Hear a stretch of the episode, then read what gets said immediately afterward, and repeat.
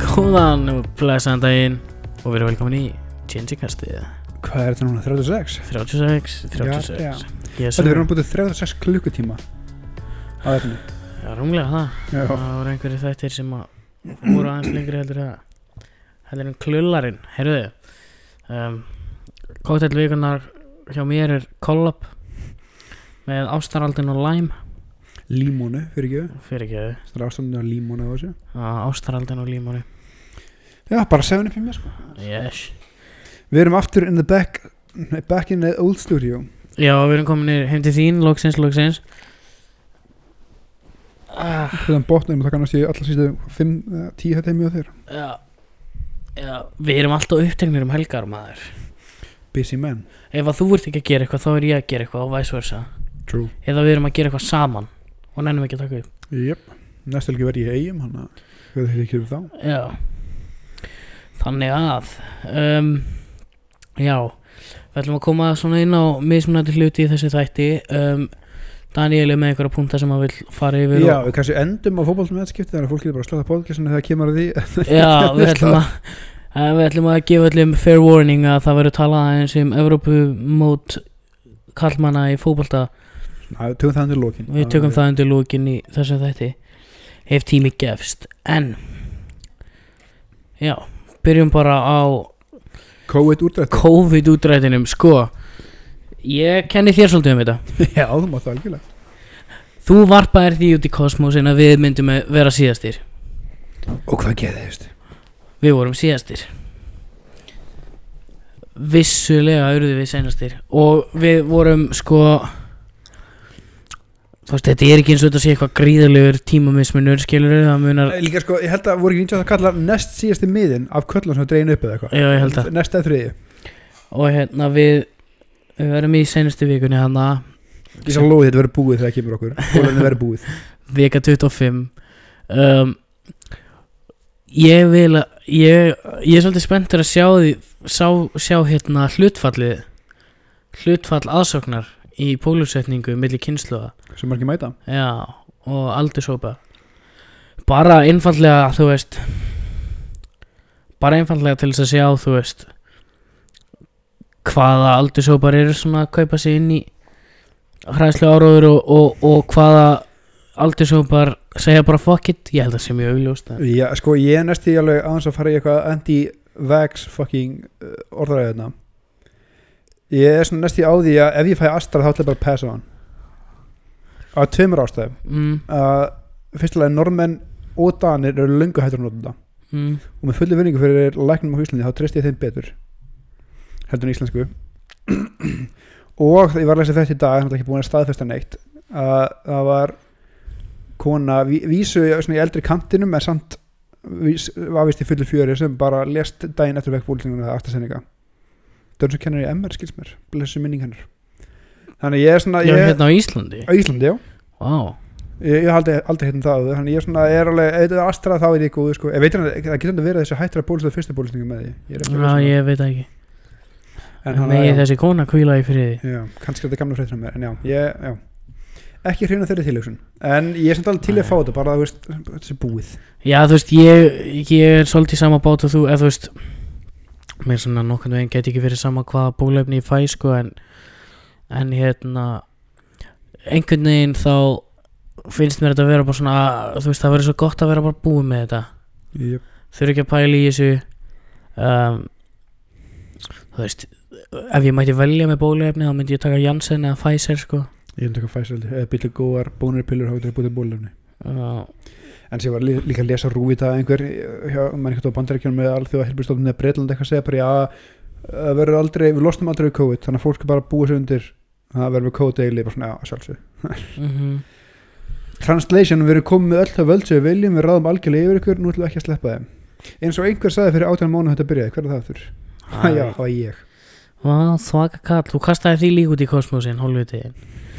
Við, Já, það er rétt fyrir mér já, við hérna Nei, nei, ég held að Ég held að COVID sé komið til að vera, sko En ég held að þegar þetta líður á þá verður þetta meira bara svona eins og influensa eða ég held að eitthvað fólk gefist upp á þessu, það er ekki sjens að þú haldið þessu úti í mörg ár þetta fólk fá einn Nei, tímpúti gleymdi, þú veist, þessu þetta er að verða að komi þetta er að verða að komi upp í átján mánuði núna Mhm. og fólk er löngu búið að missa vitið sko Jöp. þannig að þú veist, það er engin sjens ef það kemur fólk núna það er bara að hvað sem gerist gerist sorry. Já, Þannig ég held bara- það sko en líka bara að vera komni með bólusetningar og bólefni sem er þá hægt að þróa eða þú veist breyta lítið s- svona, breyta lítið til þess að til þess að vernda þig fyrir þú veist öllum þessum afbreyðum og öllu þessu drasli þá já sko ok ég það veit, verður bara eins og influensa ég veit það er lengur hægt að baka þetta og ég veit það eru aukaverkunum en allir í alvörinni að bara setja allt lífi okkar bara á pásu af því að COVID En ég meina, þú veist, Ákveðin ég, taka ég, ég hef alltaf verið hlindur í að, að yfirvöld taki svolítið hart á COVID og aðalega til þess að vernda vernda hérna viðkvæma hópa en hérna og það, það er ennþá mín skoðun en málið er bara það að þegar það er búið að bólusetja alla alla þess að viðkvæmi hópa þá er spurning hvað kemur út úr því sko já, þetta er ég, út af því að þú veist þetta getur ekki þú veist ef að COVID fara að grassera í samfélögum þá náttúrulega verður þetta bara endalaust Já, en þú veist, ok, segjum bara svo komum annað hópsum núna og það verður tíu, kom- tíu mann samkomban hvað fólk landið sér bara nei Hvað, ætlar að sagt alla það? já ég meina þeir geta gert það en þeir geta það samt ekki eða þú veist ekki sér þeir hafa ekki mannablið í það nei, ég er fræðilegur en bara eins og með hérna bara eins og með fleiri svona sjúkdóma sem er bólusett fyrir og svona að ég held að þetta verði bara eins og það ég er búin að segja það núna tvisar þetta er bara eins og þetta verður örugglega eins og influensa það sem ef þú ert bara bólusettur á þú veist x lengu millibili og hérna you get on with your life sko já, út af því að þú veist það er ekki hægt að þegar það er komið bóluefni og þegar að það er búið að myndast svona ágæti sjarðónami og, og, og, og það er actually hægt að lifa lífinu venjulega án þess að þetta sé að stoppa allt þá náttúrulega já, mér svo að Það er finna bara núna einmitt no-brainer. þegar svona, þetta er að færast aftur í gamla horfu sko, þá allt í henni fara þeir eru stjórn að panika sko, ó, fokk, herru við allt í henni getum ekki kontrolan nákvæmlega sem við viljum já, smá ég- ég, tinfolhætt, ég veit það, en samt mér finnst ég, svona- held að sé mik, ég held að sé minna element af því hér á landi og kannski já, ég er alls sammála því sko En ég held, og ég held að sé meira sko að reyna að venda almenning og allt þetta kjaftaði sem er náttúrulega ekki kjaftaði en, en þú veist, við höfum bara séð það víða um heim og hérna heima líka að ef að COVID fara að grassera í samfélaginu of lengi án án þess að yfirvöld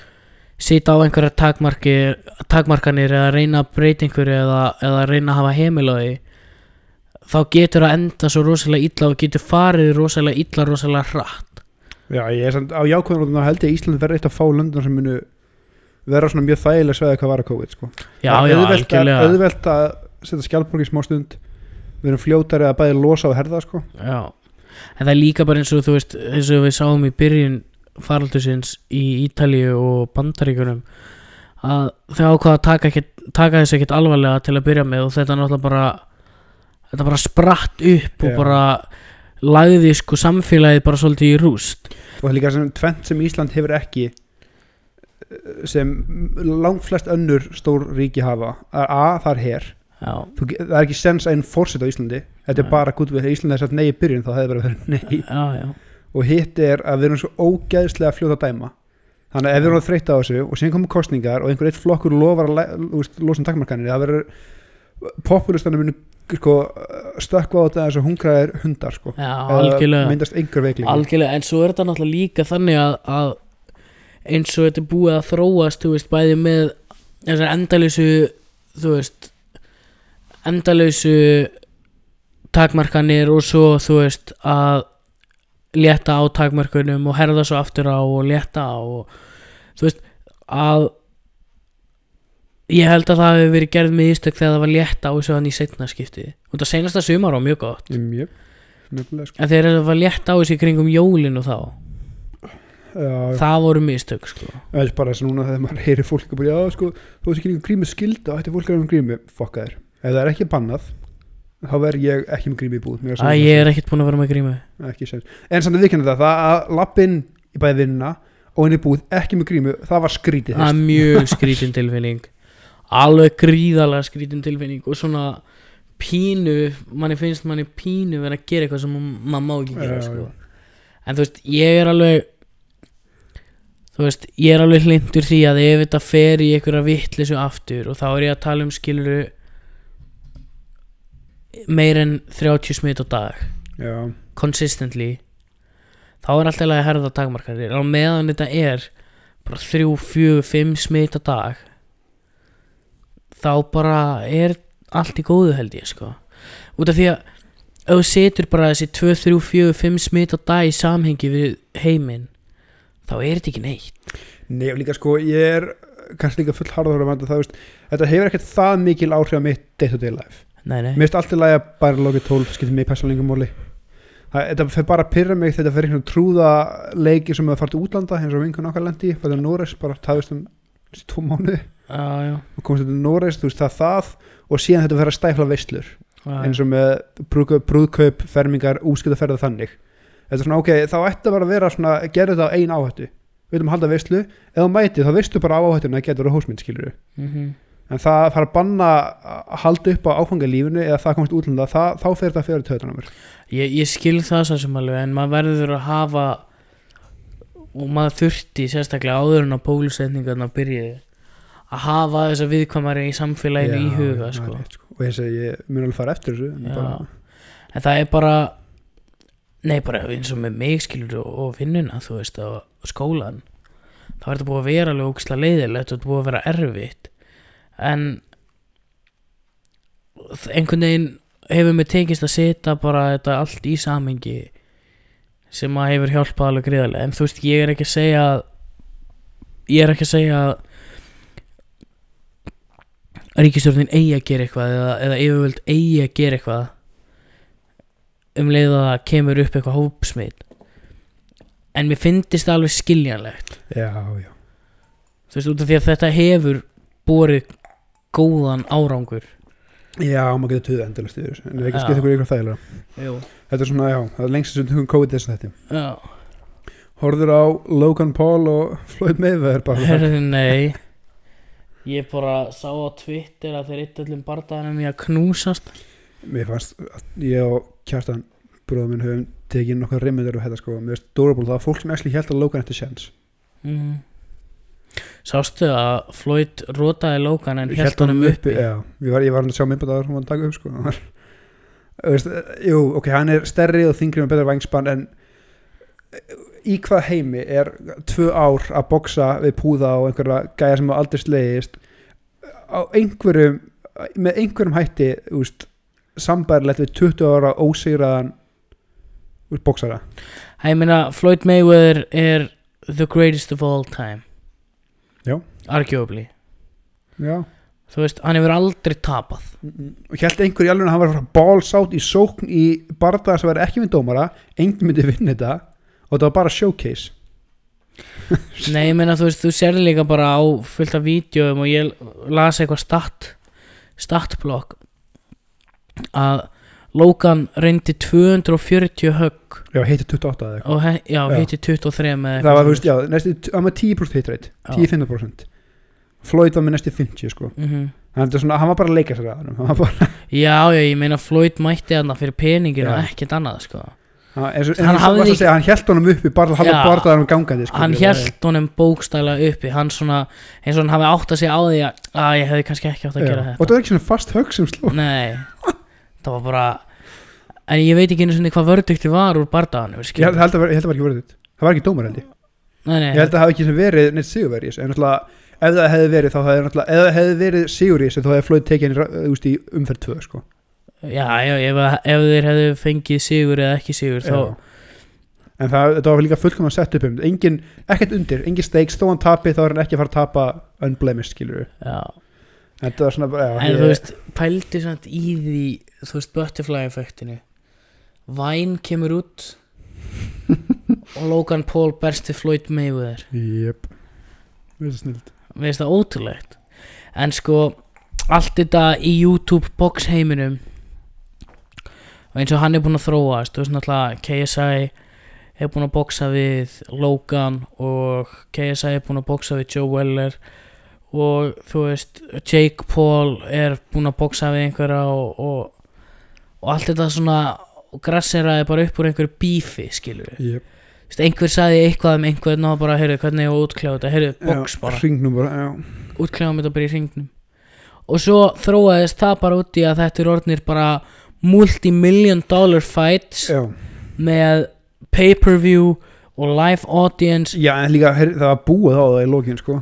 já, út af því að fólk var ekki sátt við að borga allan hann pening til að koma þarna og horfa á knúsast sko. Ég, er náttúrulega- að líka, ég held að allir að horta því þeir vonuð að Floyd myndi bara fokk honum upp já, sem náttúrulega hann er sjóminn hann er að, þú veist, hann er Já. að fá greitt þarna skilja væntulega hann ekki að gera það, það er, það hefði líka verið rosalega liðilegt fyrir alla held ég nema Floyd og hans aðdáður ef að hann hefði bara mætt hann og bara róta hann í round 1 sem hann hefði Já. mjög auðveldlega geta gert já ég held það. hann er alveg þetta spíkirinn bara Þú sér það líka bara að það setur allan bardaðan í samingi að Floyd hafi haldið honum upp þegar hann, Eh, hann róta hann rótaði. óvart Já, hann rótaði hann óvart sko. Hann ætlaði ekki að gera það en eins og með Jake sko, ég er svona, jú, jú, hann er alveg, þetta er alveg fínt skrifið upp á hjá hann ég er bara að sjá hann takast af alvöru bóksa ég held ég að minnst þetta að þér en eru bara slást ekki alvöru þá ertu bara rótari spað, þá veitu hvað stendur en þetta, það er eitthvað gæði sem er ekki bóksarar og Ég, þú veist, berjast við Claima- einhverja MMA fighters og... já, reti- sem eru, já, retire skilur, Já. þetta er svona takt allavega einhvern sem á sensi að En sko, á milli þeirra tvekja hann að bræðrana Jake og Logan Þú veist, Jake er náttúrulega bara, þú veist, það hata allir Jake Paul. alltaf bara hreinrægt það hálfutið sko Já, hann og er hann er líka mjög flinkur í að búa til peningur og hatri Já, þeir hann er, báðu bara hann er rosa, að, þú veist Jake Paul er despicable karakter já Logan Þegar- þegar Paul tók derhún af Floyd og Floyd Já. moffa hann Logan Paul er það ekki Logan Paul er ekki sami fáitin inn við beinið sko. Nei. út af Hann það tók svona Logan smá Paul, Jake, Jake Logan, Paul period sko. já, Logan Paul er sko allavega á yfirborðinu virðist vera bara fínasti gaur en hann alltaf hefur gert mistök á sínum ferli sem hafa verið ófyrirgefanleg Jep. þannig að ég mun aldrei geta haft eh, eitthvað álita á sem manni annað heldur en það að hann sé algjör fáti en eins og þú segir, þeir tveir bræðurnir eru mistarar í að búa til pening úr hatri og Í- búa já. til pening úr kontroversi ég, bara, ég, man- ég þóldi þá ekki sko. en sem leðum maður átt að segja þann bara já, þeir eru að gera þetta viljandi þeir eru að búa til þú veist, a- eins og allt publicity er gott publicity þú veist, því meira sem ég hata því meira vil einhver sagði feila og þá er hort á þig mm. að þá verður þetta bara entertaining að fylgjast með þeim, skilur, bara, þess vegna er svo gott að fyrir þá að fara að hafa, st- að hafa stíðin í þetta box Jep. út af því að það vilja allir sjá Jake Paul vera lamin í spað Mhm. ég vildi bara ég, vil, ég vildi hann að Jake Paul hefði sleist við Conor fyrir svona fjórum árum eru þeir að fara að berjast það? hann er alltaf að reyna að tónta hann eitthvað sko en ég, Ah. ég varst um að Conor er nýju sko Ég meina Conor þarf eitt högg með vinstri já, þú veist að ég skil ekki, ekki þú veist, ég ber alveg virðingu fyrir þessum part af þeim bræðrunum sko að þeir grænda sko þeir eru, þeir eru með því líka work ethicið og work rate já sko það meina alveg það. þeir mega eiga það og ég, ég vil bara sjá Jake í hringnum eins og, eins og John Jones eða eitthvað já, sjá hann bara bara taka, svona uh, permanently brjóta hann kynbennið taka alvöru fokkin boksara ég sá líka þú veist á Twitter að Jake var að tónda Anthony Joshua já, mitt bara já, hvernig já, ég sko, en Hvernig alltaf ætlar það næst að taka? Tommy Fury eða? John, Eða hvað sem hann John heitir. Jones náttúrulega, hann er held ég light heavyweight UFC champ en gæði náttúrulega er eitthvað skrýmsli sko bara að sjá högginast, ég verði til bara að sjá eitt högg læna að Jake Paul og bara svona, "Ah, ok, já, takk Sko, ég, mér finnst Mér finnst bara Sko, mér finnst cringe að nota orðið cringe Það er orðið þannig pínu um, Hvernig þeir hafa aðtamna sig og sérstaklega hvernig þeir aðtapnuðu sig þegar þeir voru að berjast við KSI og, og, og Deji og þú veist aðalega Jake Það var bara svo fucking cringe það var point, það var að selja 13 ára strákum bara pay-per-view, það er og þú veist það er til það er, til- þú veist það er til þetta er allt dokumentað á YouTube þú veist, ef þið hafið einhvern áhuga á að sjá þetta sem ég efast um að þið hafið út af þetta er hundleðilegt en það er samt interesting að tala um þetta út af því að það er magna hversu successful þetta hefur verið Já. Út- út af því að þetta er eitthvað svona sem að maður ímynda sér ekki að gæti verið successful út af því að box var og ég ætla að þetta er mjög kontroversial en box var á leiðinni niður á við sko. Já. og þetta YouTube boxing dæmi er pínu búið að resurrekta það. Já, harlega sérstaklega fyrir yngri aðdáendur og sko. ég myndi las mjög flott að greina um það sko, að einhver svona box aðhönda hefði heyrt svo mikið að þetta var að skemma box og hann sagði bara nefnir þetta er að breyða þetta út en þessi hópur sem horfða þetta og þessi hópur sem fylgir sem alveg boxinu orðaða þau munu aldrei, aldrei intersekta Nei, en, bæði, en, hann er, en það sem þetta gerir er að þetta vekur upp alvöru box áhuga hjá hópi sem kannski hefði ekki gert það annars já, bæði bæði svona, bæði sett af aðdáendum elska box Já. og það er Svolítið, náttúrulega grundvöllurinn í þessu öllu er boxið og Þetta þú er veist bara þetta er svo præmal sem hverja tóka að berja hvernig annan skilur þetta er bara já, algjörlega og þú veist mér finnst, mér finnst UFC skemmtilegra heldur en box bara, já, ég er samanlega því. bara ég veit ekki eins og af hverju box getur verið svo fokkin langdreið Já, einu sem nenni að horfa á er gæði sem heitir Vasily Lomachenko á hann er mistari úkrænska boxari, æðislu Já.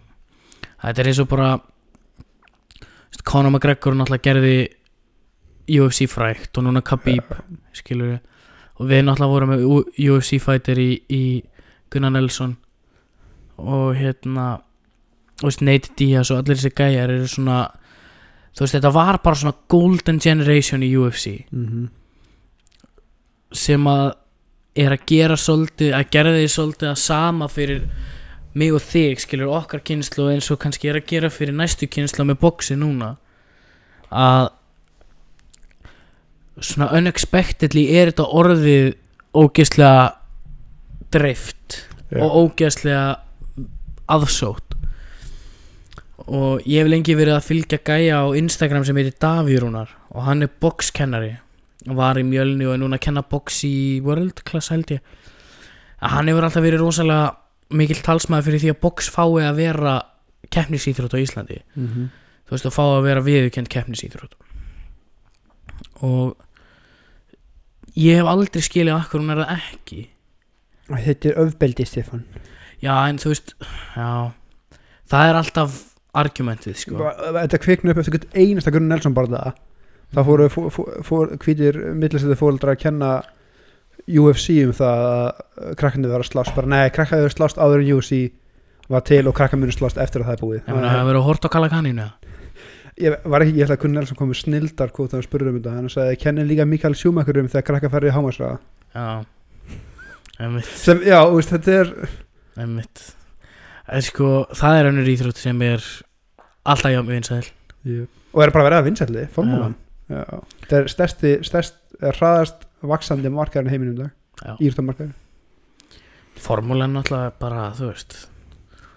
Hvað er skemmtilega að heldur en að horfa á einhverja fókin gæja að vera að kera á 300 bara hringur til hring, ég veit það ekki Nei, ég- Mér finnst formúlan alltaf lægi, sko, en þú veist Ég var alltaf bara að halda með Ferrari og Ferrari sökka Þannig að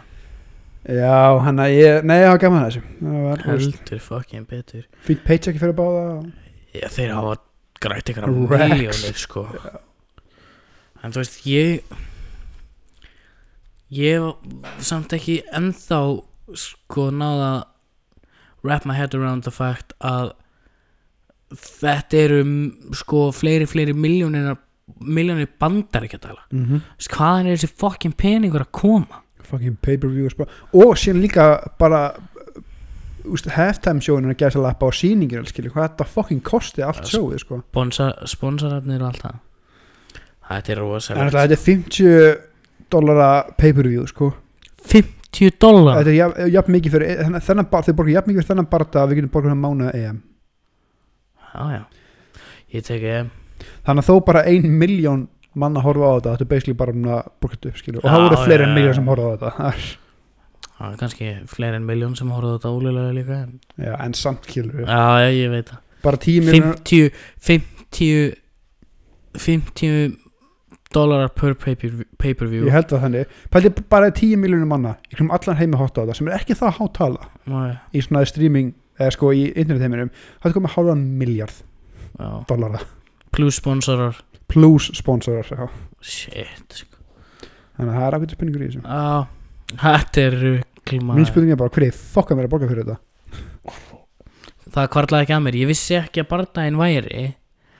ég sá bara Twitter eitthvað svona já, ég vissi ekki að bardaginn væri fyrir en ég sá eitthvað einhver á fítinu mínu retweeta tweeti frá frá Floyd Já. þú veist, að bardaginn væri í kvöld eða eitthvað svona, ég bara, ha ég vissi ekki einu svona að þeir væri að sko. fara að bóksa Nei, ekki heldur nefnilega, ég held að það er bara ennþá svona myth að vera planetið eða eitthvað En Nei, þetta, þetta gerist En whatever Já og svo er Jake að fara að berjast við hann hann að gæja hann í, í apríl, nei í ágúst Eh, Eitthvað annar retired MMA sem er, örugglega ekki- eða, sem er aðeins betur bóksari skil sem er enn Ben Askren en, Aja, Nei, það var ekki Ben Askren, það var annar sem var Ah, þetta kemur allt í ljós En já Fuck me man Ég held bara, ég er svona en óþægilega grunum að sé bara vera að borga sem gæðan til þess að tapa fyrir Jake sko. Já ég líka Að Þetta er snillega strategi að vinna fullt af auðvöldu gæðum og meðan að það byggjað upp sem alvöru bóksara skilur Þannig að Þú ert eftir þessu- basic, þetta er basically glorifyður oversponsored sparring fight Já, og síðan kaupir þetta tíma til þess að actually developa skills þannig að það getur actually tekið þetta alvöru eftir nokkur ár Já, sko. Já, og þá segir hann bara, já, ég vissi þetta um tíman, ég gæti gert þetta já. Nei, þú veist Æ, ég meina, Akkur voru við ekki bara fræjar á væn þá erum við boksarar núna maður Já, ég, ég sko. fýt græða miljónir Hver, ég myndi taka fokkin fyllt að höggum í smetti fyrir allan hann pening sko Þetta grínast Herru, við keftur húsin í Malibu Já ef þú bara slest þenni gæja og lætið detta í lótu fjögur uh, Já. Mhm. Já, ég geim, hva, hvað segir, hvað skrifa ég undir? hann var rótnið fyrsta höggi, mér alveg sama Ah, já, ég veist, ég I got no dignity sko Bara rotaði mig sko nú er fólk sem er beður nóg en hann skiljaði að það er ekki sens Já, já, já pældi hann þessi ef þið væri að borga til þess að throw a fight sem myndir átt rótan bara svona, ah, Jesus Myndi púla Floyd bara á óvart hendi gott að högg Ah, hittir óvart eitthvað eh, hárætna stað bara svona, Já, að, herru um, Beint- lætið detta líka með svona. beint í gagnu að lætur þau detta á höfukúpuna næsta og þú rótast líka báðir TK-ot já, það væri og það væri líka sko myndum að fakta með svona að, yes sem bara ups uh, fæði það borgað winnings cut in half ups Nei, ég held að ég held að boxi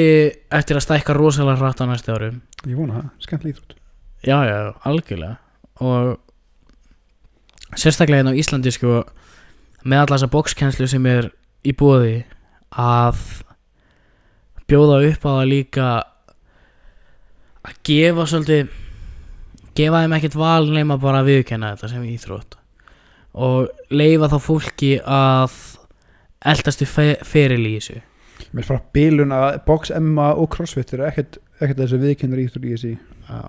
það er ótrúlega Það er magnað það er það hefur sé fólki sem er í fucking crossfit eða Bara þú fólki sem er í þessum íþróttum veist- já, bara Formuð MMA gæðin, þetta er ekkert venjulegt sko Já, formið á crossfitliði, þú veist, þetta er bara, já, ég hljóf marathon í morgun og svo tók ég 500 upphýðingar og svo dettaði ég 400 kílóum og klukkan er tvö. Það er talað um það, fuck maður, bossmenni vinnin í hjá mér Þú þótti hengil hlaupinu núna um helgina Já, Hann hljóf 106 fucking kílómetra 106 kílómetra, pff, pissi í símaður. Það er svo að hlaupa Ég fucking var- var... kvólsvöll, Stefán Gaur, ég væri örgulega, þú veist, ég er þreytur á að keira 106 kílómetra, Já, nákvæmlega það er bara svolítið svolítið. Sturlun Já Það er að öðru Við hérna Tölum að sem það fyrir þáttin En ég ætla að koma því hérna í ofinbært Ég er komin yfir í svona lift og lúp og eitthvað drást Já Ég er svona að reyna það, það er mjög erfitt Það er fyrstu þörfunar Ég, náðu- ég, ég hef gert, fa- sko ég Wow Já, uh, ég var náttúrulega alltaf íslenska síðan var ég komin alveg í lifti síðan fór ég til fokkin kanir að kefta mér íslensk fyrir það og þá var ég eftir hútt á íslenska hérna, þú veist, það er fyrir tvær vikunar af íslenska alltaf erfiðastar sko Ég er aðalega að gera þetta til þess að vrendi með tennunar sko íslenska er bara þessu miklu meiri bara hefð sko, og rútina heldur en endilega nikotín í Já, sko, ég ég einhvern veginn ákvað bara um daginn bara eitthvað leit í speilin og opnaði mér góminn og bara eitthvað, "Eh, vá, flott og ég bara eitthvað, hei, ég ætla að fara að prófa eitthvað af þessum tannkvítunar aðferðin sagði bara fá að geta að gera og það er rosalega, þú veist ég fekk setti mitt á föstu daginn, nei, fymtu daginn er auðvitað og þú veist, það er að það meikar engan sens að vera í einhverju tannkvítuna meðferð og vera svo bara alltaf að tróði upp í íslensku nefntopaki og drekka svart kaffi sko. Eh, Þetta er bara eins og skúra gullu og sem velta sér upp úr því. Svona, þetta, er bara, þetta er bara svona eins og skóra, skóra gólfið heima hjá mér þú veist að lana og neta er að fara að koma og skemma það sko.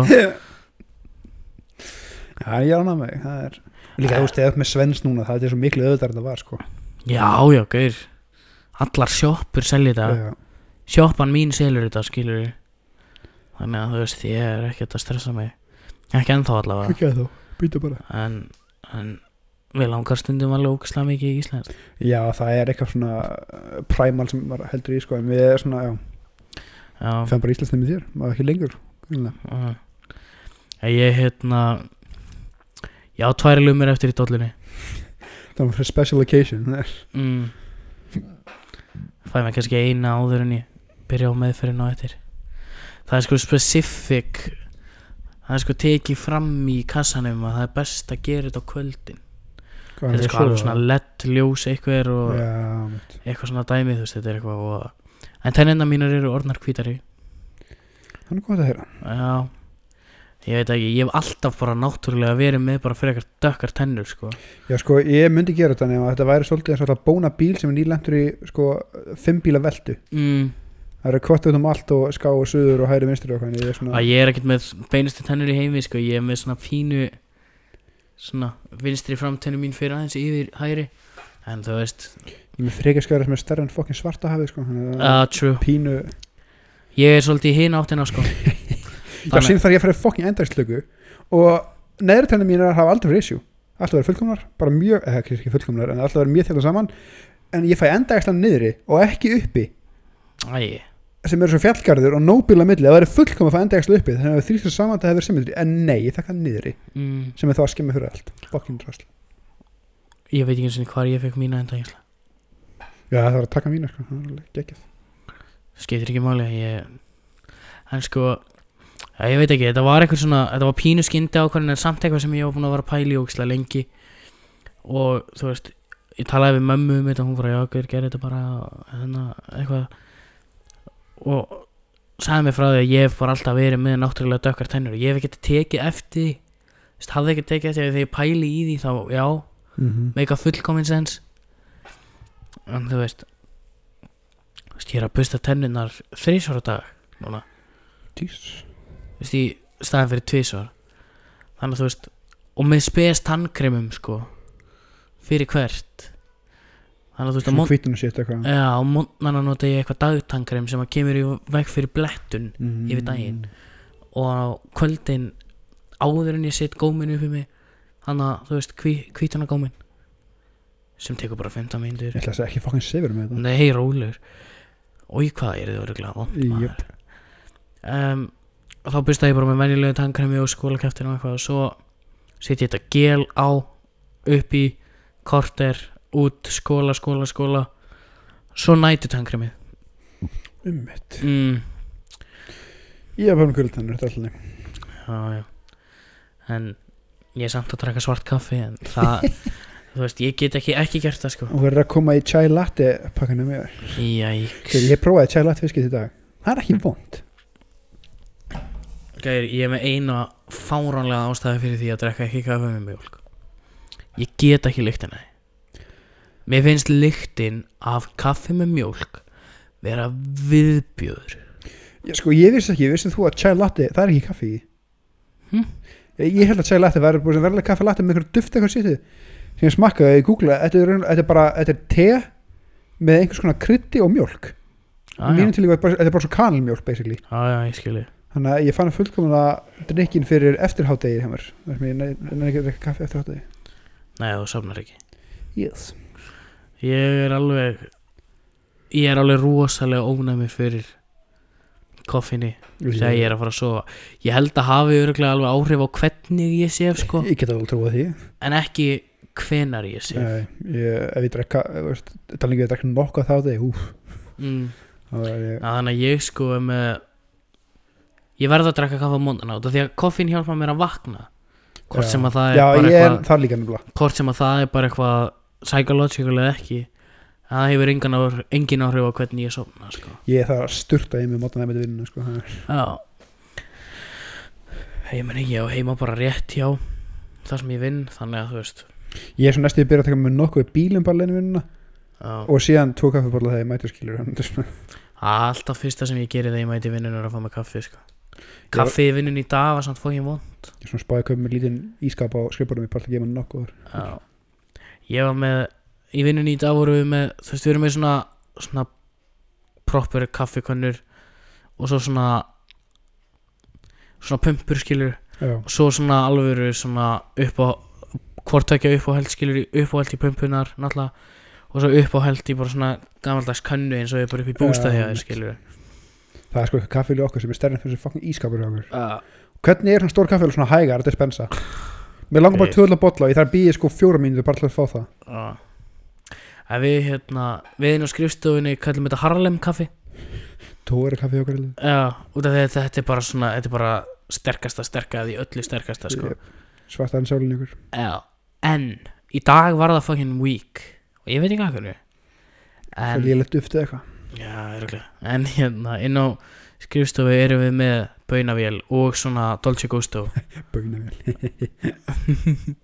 Þannig að við hérna getum Við höfum úr þremur kaf, köffum að velja Fjórum í rauninni Mér finnst alltaf best að fara bara í pumpuna sko En í dag It let me down sko Já, já, hún gerir það ekki í morgun Nei Það er eins fucking gott búið að vera bölva við, bölva við sem hjá okkur í virinni Mikið að gera og svona En svona aðra dem okkur í fótboltan Yes, Og þá erum við að tala eins um ameríska fótboltan ok Ég var skemmtilega fréttur að bróða mínum að hann Jú Julio Jones er komin til Tennessee Titans Já, ég las það All pro wide receiver Já, Einu sem kom aftur núna er alveg quarterback og þá var ekki verið einhvern að hætta þeir eru með fínasta quarterback Kanski þurfti quarterbackin bara á wide receiver Við sem hann búin að vera með tvo góða wide receiver sko. Það er ekki sem það búið að vanda hann til það sko. En Já. ég er þetta fíla eins og við, t- ég talaði um þetta Ég man ekki hver að það var eitthvað sem fór frá okkur Við erum að fíla það gæp, þannig að það er komið En nú vantar okkur þú veist, Geti ég fengið til Sjónum Watson eða eitthvað? Come on. Julio Jones er the man Ég er mjö- að Því að líka okkur sóknum okkur vantaði svo rosalega identity Ef að það, sko, ef að það hefði verið einhver maður sem hefði þetta replacea OBJ í Giants Julio, þá var það Julio Jones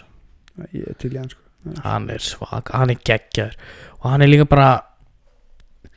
hann er veteran án þess að vera eitthvað of gammal Já, sko. nákvæmlega Nú bara vonandi getur Tannehill fucking þrygt töðrun í hann sko Það þarf Hann Derrick Henry getur ekki að það. karja sókn Hann getur það alveg Þeir þurfa bara að vinna mikið saman í sumar og Fínt að hafa hans að snemma Þú getur það. Já, koma, koma sér saman með með alvöru með alvöru hérna ra- hérna place Mér yes, ef við dempa okkur í EM umræðina EM E umræðan mikla og það veit ég alveg ekki að skipa hann til lokið til að heyra plötu vökunar annars ef þið viljið ekki hluta fótbolta þá myndi ég checka það núna Já um, Byrjum bara á EM umræðan í fyrsta lagi Sjöðus kall hjá Siminsport Nei, stöðusport Ég er ekki viss hvað sem minnst það mikið er lítið Þetta er, minnst það svona herri kantinum ef að Siminsport væri með þetta þá væri þeir ekki með þetta svona dýrt orðan það svoleiðis Já. En Þetta er náttúrulega ógeðslega mikið af fótballaleikjum og það er Já. ógeðslega mikið af fólki að vinna við þetta uppbytun og umfyllun og, Já, og ég var líka að skoða sko, hvort maður ætti að ná sér í hvað- þetta er eitthvað Fubo TV eða Mhm. eitthvað skilur og VPN bara yfir skilur það var svona svipað dýrt fyrir einn mánuð já þannig þetta er svona Ég er alveg, ég er alveg ánægðar að hafa keft þetta sko, ég hlakka bara til að þetta byrji já ég er bara að gera saman bara fuck. og EM byrjar á föstudaginn með leik Tyrklands og Ítalíu ég held, ég sagði það á hann, ég held að það verið bangleikur það Allar- verður geggjaður ég held leikur að alltaf tipstóðum þess að 2-0 og 2-1 og eitthvað svona, ég held að verið markaðisla sko, já, þetta er náttúrulega opnuna leikurinn Já, ég held að bæði lið komi bara guns blazing Ítalíu er í mjög góðu formi yep. og Tyrkjum er geggjaðan þjálfara Tyrkir eru, ná, bara einn af þeim bestu á mótinu og Tyrkir eru með hörku hóp sko Já. Sengis Under, mm -hmm. Burak Yilmaz Ozan Kabak Ozan, Ozan Kabak er minn maður sko, ég vildi óska þess að vildi óska þess að Leopoldau kipta hann en Mhm. Svona er þetta já ég er bara fullt af, fullt af flottum leikmunum í, í báðum liðum og ég vona ég vona bara eina sem ég vona er að við fáum góðan fótballtaleik Já, sammála en það er svona hægt að spá aðeins í spilin fyrir mótið og Sko ég held að þessi leikur verður annars flöðlsýning eða algjörð snúsfest já, það er annað hvort Þú veist, þetta er 0-0 eða 4-3 eða eitthvað já En ég held hreinlega að við þurfum að gera svona predictions eins og við erum rosalega góðir í að gera og ég vil fá frá þér markaðastamann Hú, ég þarf að fara að lista þegar fokkar leikmann sem er að kepa stóðsendinga hæstamann sigurvegara mótsins og á móti hverjum þeir vinna í úrslitunum og disappointment Ég ætla að segja að þessi pöfum strax að vera þýskaland Ég er svo viss um það ég er sammála ég ætla Mér að finnst segja þýskópur bara Þýskaland. ekkert samfærandi þýski hópurinn er ekkert samfærandi held, eh, einmitt og ég held ekki heldur ég held að þeir séu bara svolítið bara að pæla í því að fá bara hans í flikkinn og Já, ég er bara, Jókum Löf er bara Jóki svona- Löfi búinn sko Þannig að það er spennandi Ég viss um það, ég held alveg þýskaland að spott Nei, ég held að Við spanna spottur svona hittur og miss Þeir gætu að gegja mút og þeir gætu átt flop ég held, að, sp- ég held bara að fólk sé ekkert að búast við miklu frá spannverjum út af hópnum sem þeir eru með sko Það er engin Real Madrid í hópnum Þeir eru með 17 ára Petri í Já, hópnum Og fokkin Þú veist, besti highest profile leikmaðurinn í hópnum hjá með Tiago Ég held sko að vör- Ég held að vörnin verður spómaður og falli Heldur það? Já, vörnin og markaslan Já, markvarslan er örgulega Þeir eru með fínustu varnamenn samt Pá Torres er mjög góður og þú veist ég held að þeir séu með þeir eru með fínasta hóp en mér finnst það aðalega að vera sko frammeri línan aldrei á stórmóti sem ég- síðan ég hef verið lefandi hefur spán, hafa spánverið verið jafn- með jafn óspennandi framlínu Þetta er rosalega slöf framlýna þeim, já. Þú veist- Það er sko þjóðverðin sem er mjög spennandi framlýna blað, ég hef bara enga trú að henni. já, versus að ég hef actually svolítið trúa þessari framlínu hjá spáni Já, Gerard Moreno er frábær fótboltamaður Alvaro Morata getur alveg skorað ef hann nenni því hann er típisk gæði til þess að bara kviknaða um stórmótum. Já Þannig að þú veist Það er alveg Það eru leikmenn í þessum hóp sem að geta verið töframenn Og síðan á mótið í Þýskalandi, þú veist, Timo Werner með sjálfstjórnstund bara fyrir neðan eh, sjáumál. Já Hvað er að, þú veist, Serge Snabri sem átti versta tímabili sitt í langan tíma já, Muller sem er bara hann hundgamall. Já, Múlir verður aðal maður en annað samt Og fucking hérna Líru Sani sem átti ekkert sérstaklega gott Bara tímabil svona, eh, Þú veist, þetta er Sani, Nabri, Werner, Havertz Havertz held ég að verði öruglega bestur af þeim fjórum geta alveg trúið, já. um, Múller verður bestileikmarin í Ég Þýskalandi líka hérna. hef ekkert rosalega mikið að trúa varnarleginu í Þýskalandi heldur. Nei, en Skil ég eftir- held, Skil eftir Boateng og, ég held að þar sem að þjóðverjar standi svolítið upp úr er náttúrulega markvarslan já. Nóir Ég fíla Og Neuer- miðjan. Ég fíla nája sem kom eftir í liði. já, og like miðjan Já. Bara Gor- sem Þýskaland hefur alltaf verið. Goretz, Goretzka, Kimmich og Kroos Já. þú veist, þetta, það er svona góð miðja getur alveg unni fyrir stórmót en ég held, ég sammálega er þeir verða disappointment út af framlínunni og hafsendunum Já. Ég held hann að sko. um, Sigur, sko, ég ætla að fara strax þessi sigurverðan Já, tölum Ég bara um ætla að koma með Wild, ég ætla að koma með svona smá curveball England er að vinna EM Heldur það? Já,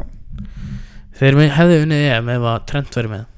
hann er ekki meittur Já, meittist í fyrsta fucking æfingarleik fyrir mót út að hann er legubólmaður Við getum ekki sendt menn í þetta landslið án þess að þeir meðist yep. Joe Gomez seinast Trent núna ég, Já, ég held að England vinna þetta Ok, Það var svona þeir eru akkurat fullkomum blanda af óþóndi leikmönnum sem þurfu ekki á þessu eko að halda þeim en samt vinna þetta einhvern veginn. já, fair Ég, sko, ég held að frakkar vinni Einfallega Mér finnst það bara svo mikið svona klísi svar sko. Já, ég veit það, en bara út af því að á blaði eru þeir með svo yfirburða langbesta hópin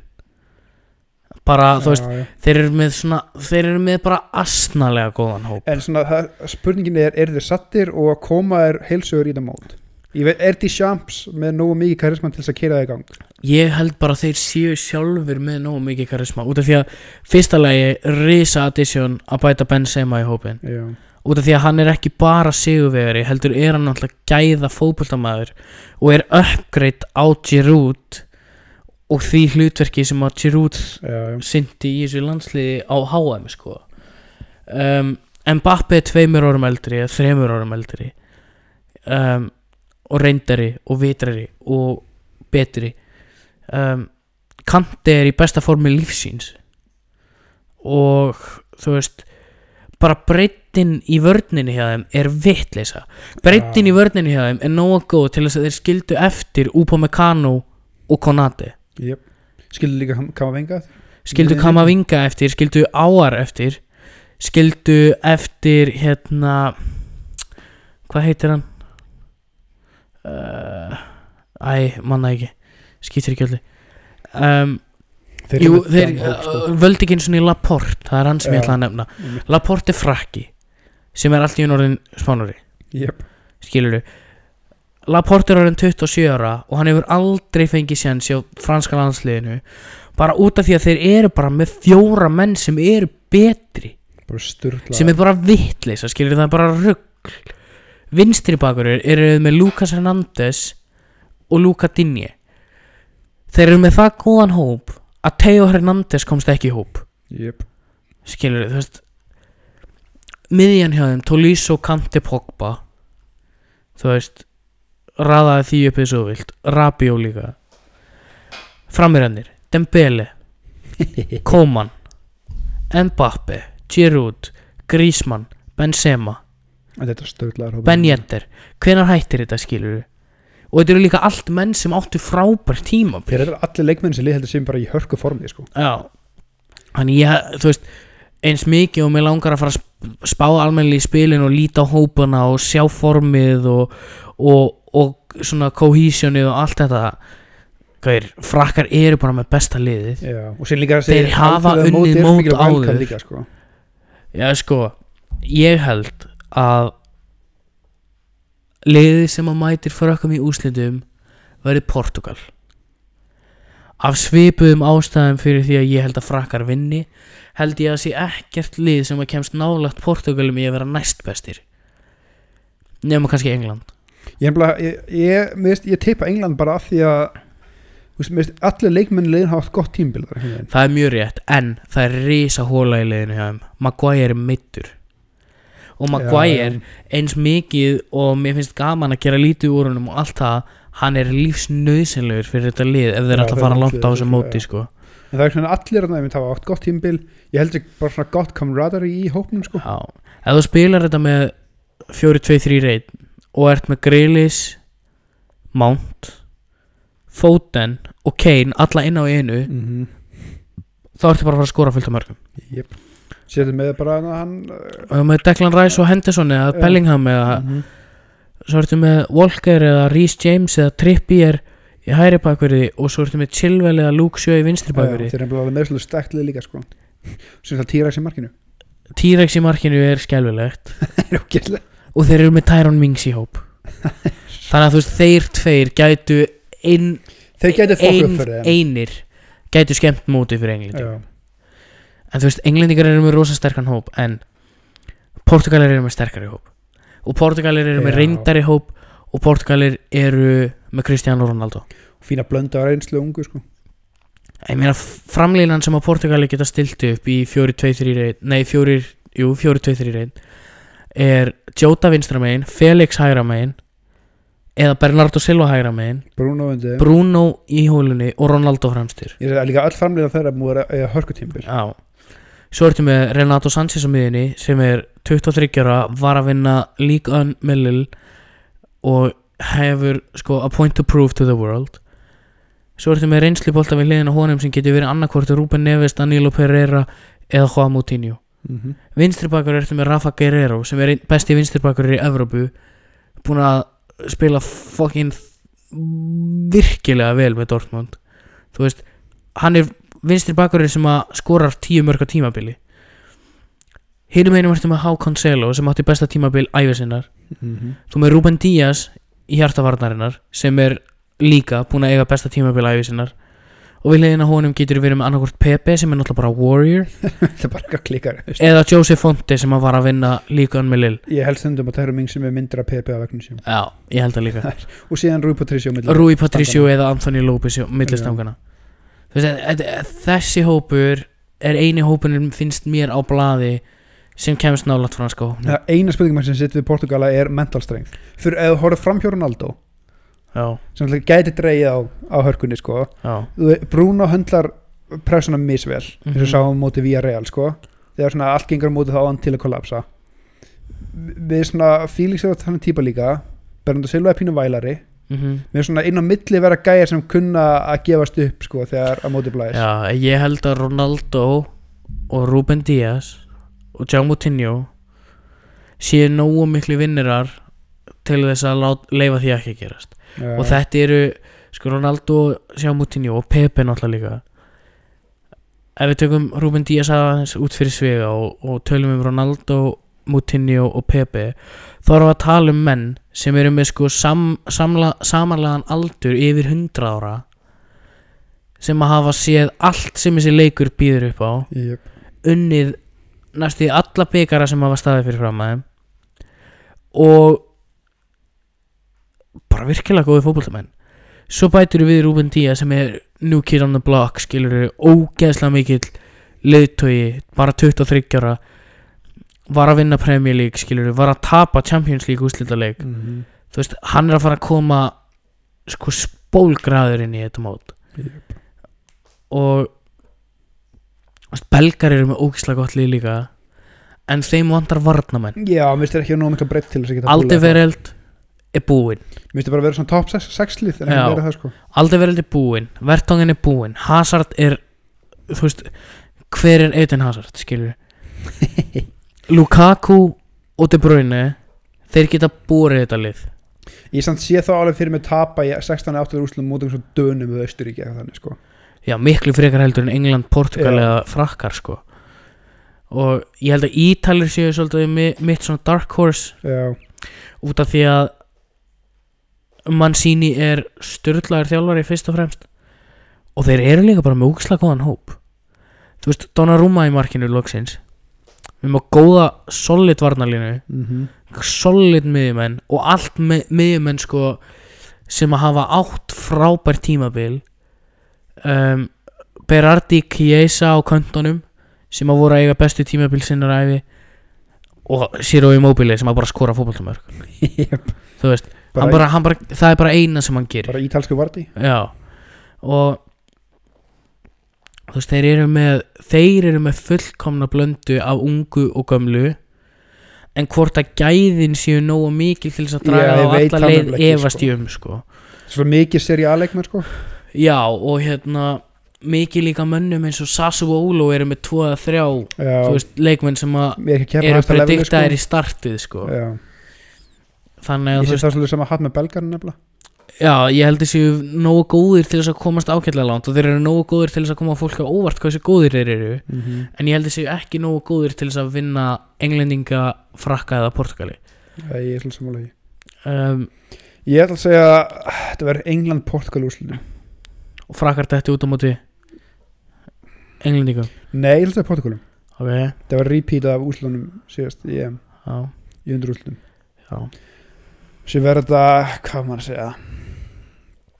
England ég held að, ég held að vera annars svona Kroatíu svona dark horse lið sko já sem englingin muni bara blow out í undurúslum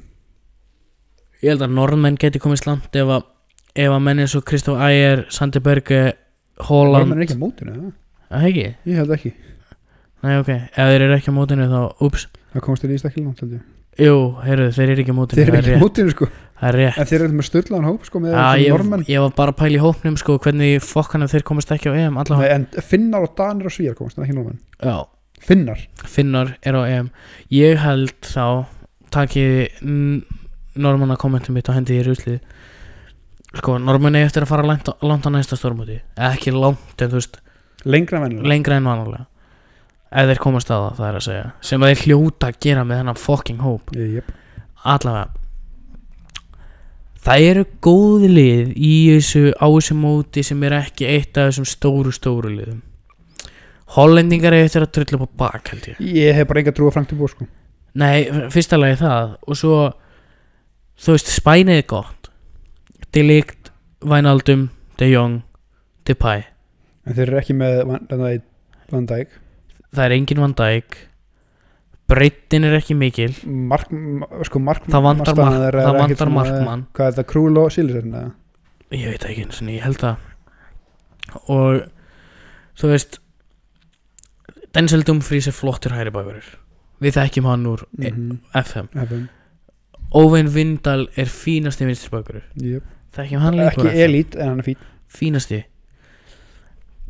en það er svo rosalega mikið af ungum mönnum í þessum hóp Já. þú veist Ryan Gravenberg er öruglega mjög líklegur í startið hjá þeim Ég hef meira trúið með að Koman hefði verið með það sko já þeir eru með, þeir eru með flottan hóp ef að Van Dijk væri aðna þá myndi ég gefa þeim séns Já, en það vantar besta varnamann í heimi og fyrirlega liðsins Jep. sem þýðir það að þeir eru vangbrotnir sko pínu Ég held samt, ok, er, sko, ef við segjum Dark Horse og þá meina ég ekki skil eitthvað stóru skilur eða svona lilla leið sem kemst aðan, hvað ætlaðu þú að spá? Skotland Skotland, ég ætla að segja Östuríki ok, Við erum með Alaba, Sabitzer, Sabitzer Ég er sem meðst þeirra, þeir eru með skemmtilegan hóp Ég hef, Hannes Wolf þeir eru ákveðlega svona, já Vöper þeir eru með flottan hóp sko ég held að skotar gæti komist ágætlega langt eða þú veist skotar gæti komið fólki óvart Jay Adams getur skorað mörg Scott McTominay er snarkæði ykkur Kieran Tierney er fín Andy Robertson er bestur í heimi í sinni stuðu þannig að þú veist þetta er John McGinn er skemmtilegu leikmaður Þú veist, það, það er alls konar það er, það er svona X-faktor við skoska landslið Já, ég er þetta alveg saman að því um, annar Dark Horse sem ég væri til í að skjóta upp ég veit ekki eins og hvort það má kalla Swiss Dark Horse út af þeir eru alltaf ágætir Já, um, Ungverjaland Já, ég Ungverjaland veit ekki gæti með komið mörgum og óvart það vantar samt Sabasalai það. Já, með- um, ég held að- Tyrkir jafnvel, við vorum að tala um það á hann já, Tyrkir gæti komið fólki á óvart um, en ég held að við séum að fara að tala um eitthvað af þessum stóru, stóru 5-6 sem að gætu gjörsamlega bara tröllriði þessu móti sko. Já, ég held að vera, vera tvö svona major disappointment að það stóru sex ég held að það veri Ég held að Þískaland og Spán- Holland Ég held að það verið Spotn Þískaland um, en markaðist í menn markaðist í maður Sko, er klísi að segja Mbappi eða? nei ég Ég er ég, samt ekki það vissum ég er með annan í huga samt. Nei, ég ætlum að segja Kane Kane Já. ég ætla að segja Romelu Lukaku Heldur Lukaku að verði Lukaku tekur eitthvað pubstomp í group stages reyla kefni skorar bara fimm mörk í þremur leikjum og þá á enginn eftir að geta náð honum uh, Ég held að Kane muni að floppa út um, það er annarkort Lukaku eða Kane eða Mbappe Já. eða Ronaldo en eitt af þessum einn af Ég ætla að þessum segja Kane eða Bruno Fernandes Bara út á aukaspunum vítaspinnum sem að Cristiano Ronaldo er að fara að taka Já, Ah, kannski Sko. Ronaldo er aldrei að fara að lifa Fernandes að taka víti sko Fernandes áttur að vera eins og krakki við liðan á honum Það er sko. þetta alveg trú um, Ég held að enn stóðu syndingahestur ég Ég ætla, held að bara, segja Bruno þar ég ætla bara að fara í klassíkina og segja Kevin De Bruyne Hann er besti fyrir utan Cristiano Ronaldo þá er Kevin De Bruyne besti fótboltamarinn á þessu móti Ég ætla að segja að Bruno veri strákningahæstur og Kane markahæstur Já. Ég ætla að segja, Bru- ég ætla að segja þetta er uh, Belgian Delight hjá mér Lukaku skorar mest og ef það De fiskar- Bruyne leggur upp mest Ef það fiska upp fiska, eða fiska vítið telst með þessu stöðsning þá held ég að Bruno veri Hann hefur hvað fílíks hann fær fantasístið fyrir það Já, hann er hvað um, svona ef ég tek ef ég set svona ef ég þurft að setja pening á þetta þá myndi ég segja markaðistur mér langar að Lukaku verið markaðistur Já, ef ég þurft að setja pening á það þá myndi ég segja flest mörg Kylian Mbappe já, samlega Eða ég setja penninga til þetta sko og, Ég sem samt brúna þessu penningur í staðsningu þessu og flestar stóðsendingar er annarkvort já, Bruno eða Jack Grealish Heldur það? Já Ég held að ef að Jack Grealish fær að starta á móti Króatíu á sunnudaginn og stendur svo vel þá verður hann undroppable Hann er Já. svo góður í fótbolta þessi strákur og hann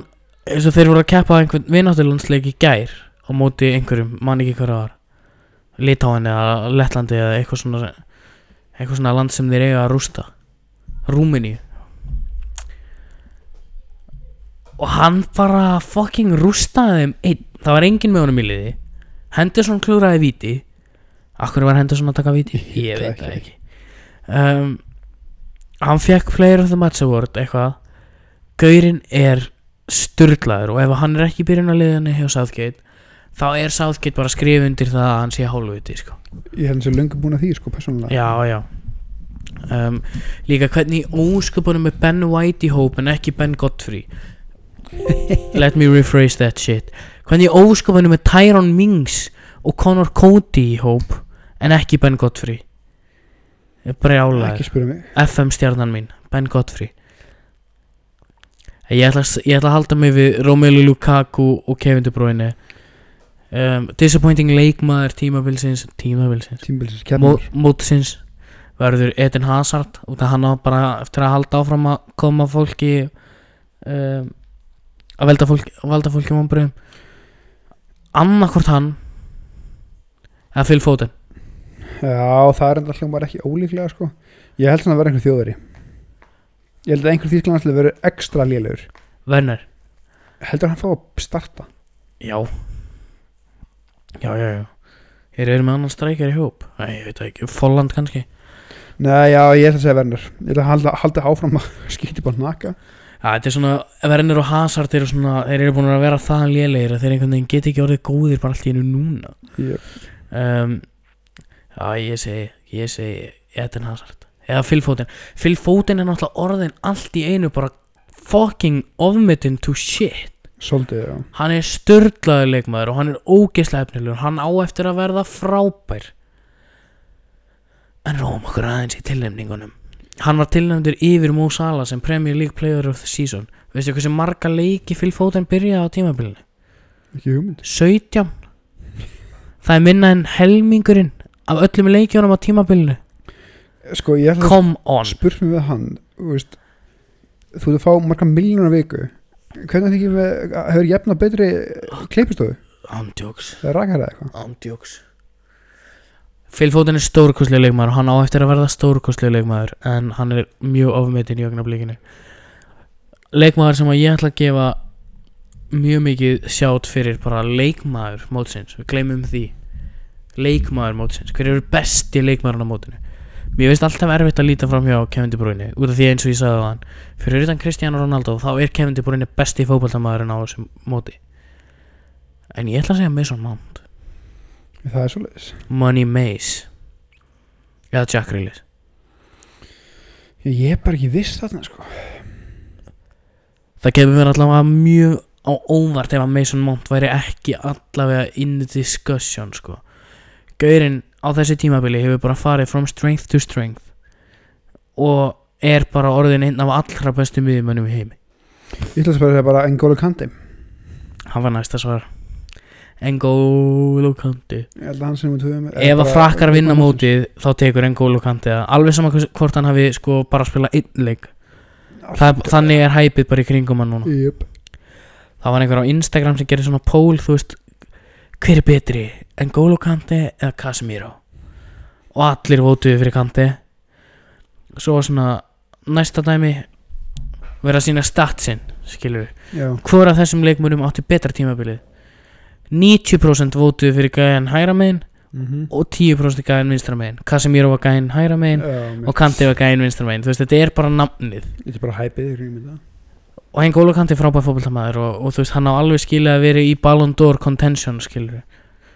hann á ekki að vinna það ekki á meðan að Lewandowski er til Nei, ég er svolítið saman á því og ekki á Slá meðan að markametið Messi er til hans. Hvað múlis mm Þá finnst mér á það meðan að Lewandowski og Messi eru að gera það sem að þeir eru að gera þá er engin annar í bóði Nei. um, svo geti Mbappe líka bara þú veist, verið Mbappe já. þetta er mjög spennandi um, platavíkunar Plata vikunar platavíkunar, allar að setja hann á, á TikTok, hann að Disney stelpuna hann að, Já flötuna hennar mm Nákvæmlega Það er- Hvernig vissur ég bara, I will break your mind sko. ég skal byrja Ok plata mín er From Mars to Sirius með Gojira Ég ætla að segja Stunt Rhythms með Two Fingers Ú, Two Fingers, bringing it back Yep Þannig að, hvað særi, Stunt Fingers Stunt Rhythms Stunt Rhythms með Two Fingers Yep og From Mars to Sirius með Gojira Þetta eru Tinsikast plötu vikunar um, og þangað til í næstu viku þakka ykkur kærlega fyrir að hlusta Þú er frábært